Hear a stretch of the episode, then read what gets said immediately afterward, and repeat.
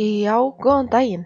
Í þessu podcasti ætla ég að fjalla um leiki barna fyrr og nú, breytingum á hinum ýmsum hefðum varðandi leik og leiki sem að krakkar ennþá daginn í dag leika.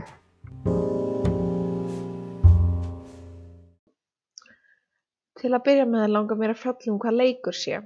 Það hefur verið gerðar margvíslegar rannsóknir á leikjum og hafa verið settar fram ýmsar kenningar um eðli þeirra, form og framkvæmd.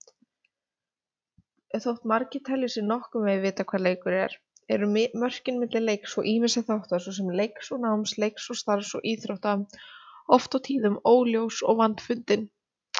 Flestir fræðimenn er láta sér barnaleiki varða eru þó sammála um að mannanna börn hafa leikið sér frá fyrstu tíð og að leikurinn sé mikilvægur þáttur á leið þeirra til skilnings á umhverfi sínu og sjálfum sér. Rannsóknir hollenska menningarsafnafræðingsins Jóhanns Huizingas, fæddur átján hundrað sjötíu og tvö og lést árið nítján hundrað fjörutíu og fimm aðeins sjötíu og þriggja ára að aldri. Ef hugmyndir hans eru hafðar að leiðarljósi má segja að leikurinn sem slíkur feli sér sitt eigið markmið og hann sé merkinbær framkvæmd þótt hann sé í sjálfu sér ónauðsynlegur verknaður. Leikurinn er leikinn af fúsum og frjálsum vilja, veitir gleði og er í eðli sínu meinlaus. Músíkans leit þannig fyrst og fremst á leik barna sem menningartengt samfélagsfyrirbæri. Leikir spretta ekki upp úr engu. Ytri þættir hafa mikil áhrif á form þeirra og framkvæmd og segja má að það sé einkum tvennt sem skiptir mestu máli hvað það varðar.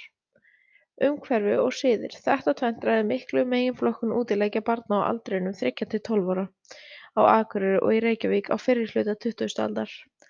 Leikjunum má skipta í þrjá meginflokka eftir eðli þeirra og framkvæmd. Hlutverkaleikir sem einnig eru nefndir þykjustu eða ímyndunarleikir, regluleik og athafnaleik. Í hlutverkaleikjum er líkt eftir athöfnum fullorðna í samfélaginu. Slíkir leikir mótast af umhverfi barnanna hverju sinni, lífsvenjum, atvinnuháttum og daglegu lífi hinna fullorðnu. Í kringum árið nítján hundrað sextíu og þar frameftir voru skilin á milli leiks og vinnu ekki eins skörp og þau urðu þegar fram liðu stundir. Lífsmáti miðaldamanna var tiltölulega óbundinn af þeim boðum og bönnum sem síðar urðu með eflingu ríkisvaldsins og siðboðum kristinna mótmælenda. Því gátu menn enn á þessum tímum gefið sér lausan tauminn á ærslafengnum skemmtunum sem börn jafnt sem fullorðnir tóku þátt í. Börnin urðu þannig virkir þátttakendur í samfélagi hinna fullorðnu, um leið og þau voru fær um að bjarga sér eftirlitslaust. Með yngri börnum var nánast ekki reiknað, þau lítils metin og afskipt við það sem síðar varð. En frá því um sjö ára aldur fóru þau að taka þátt í lífi hinna fullorðnu. Nokkrir leikir sem eiga sér hliðstæður í sameiginlega leiksögu miðalda og enn eru leiknir eru til dæmis feluleikir, stórfiskaleikir og skollablinda. Leikir íslenskra barna á árunum 1945 til 1950 Magnús Aðalbjörnsson fæddur árið 1941 í Möðruvallarstræti 6 á Akureyri þar sem hann átti sín bernskuspor til fimm ára aldurs segir frá sínum bernskuárum á Akureyri í stríðslok. Þar léku börn sér mikið úti í hinum ýmsu leikjum. Hann man aðallega eftir að vinsælt var að fara í leikinn Kjöt í pottinn. Þá ætti einn að fara í grúfi og hinir fóru í felur. Sá sem greri átti síðan að ná fórnardýrunum og geyma þau í pottinum og gekk leikurinn út á að frelsa þá sem þar voru. Þessi leikur var hinn eiginlegi vorboði ásamt stikkinu sem var afar skemmtilegur kastleikur þar sem peningum var kastað í línu.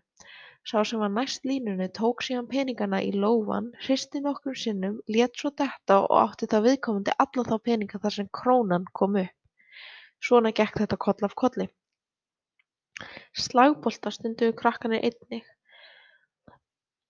Einnig fóru þau í löggu og bófa, landaparís var líka vinsætleikur. Svo var stofnað félagsmiðstöð og úlingaathvarf í Hótel Norðurland sem nú heitir Hótel Varðborg Þar var unglingum boðið upp á alls kyns viðfangsefni svo sem borðtennis, hnit, skák, alls kyns spil, föndur og dans. Það var algengt þegar það fór að vetra að unglingarnir fóru að leika sér á ísnum, á skautum eða sleðum. Um, hann talaði einn um útivistarlögin, að það mátti ekki brjóta þau lög og að yfirleitt framfylgdu foreldrar þeim lögum sem bæjaryfirvöld settu. Viðhorf fullorðinna til leikja barna var misjafnt, sumir fullorðnir ömuðust við leikjum barna, sérstaklega ef um boltaleiki var að ræða, sennilega vegna þess að boltanum var oft kastað í veggi húsanna og þá var ekki mikill vandi að brjóta rúðu. Ef leikir barna færðust niður á bryggju var reynt að hindra það, að öðru leyti var viðhorf fullorðinna til leikja frekar jákvætt. Börnin lærðu margt í gegnum leikinn en algilda reglan er sú það sem börnin lærðu í gegnum leikinn var tillitssemi. Síðan verða börn að virða reglur sem eru settar í tengslum við leikinn. Almenn fátækt var á Íslandi á þessum eftirstríðsárum. Fjölskyldur áttu ekki bíla nema einstaka auðsmaður sem átti fjölskyldubíl.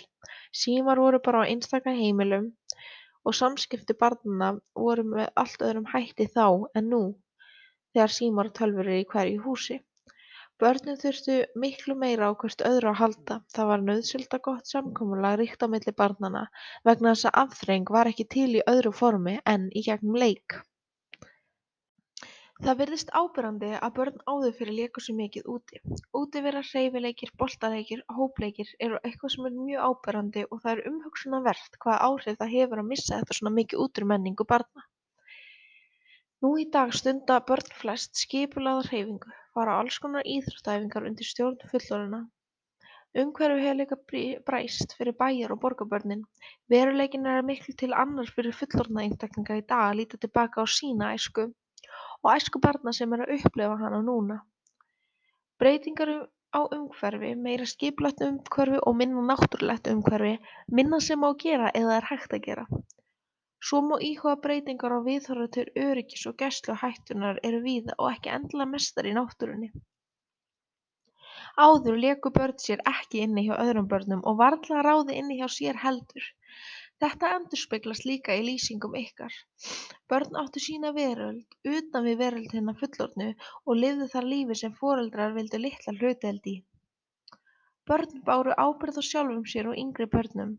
Þau lærðu hve hátt mátti klifra án þess að detta, hve hratt var hægt að hlaupa niður á móti og hvar var best að rúlla sér niður brekku án þess að slasast mikið.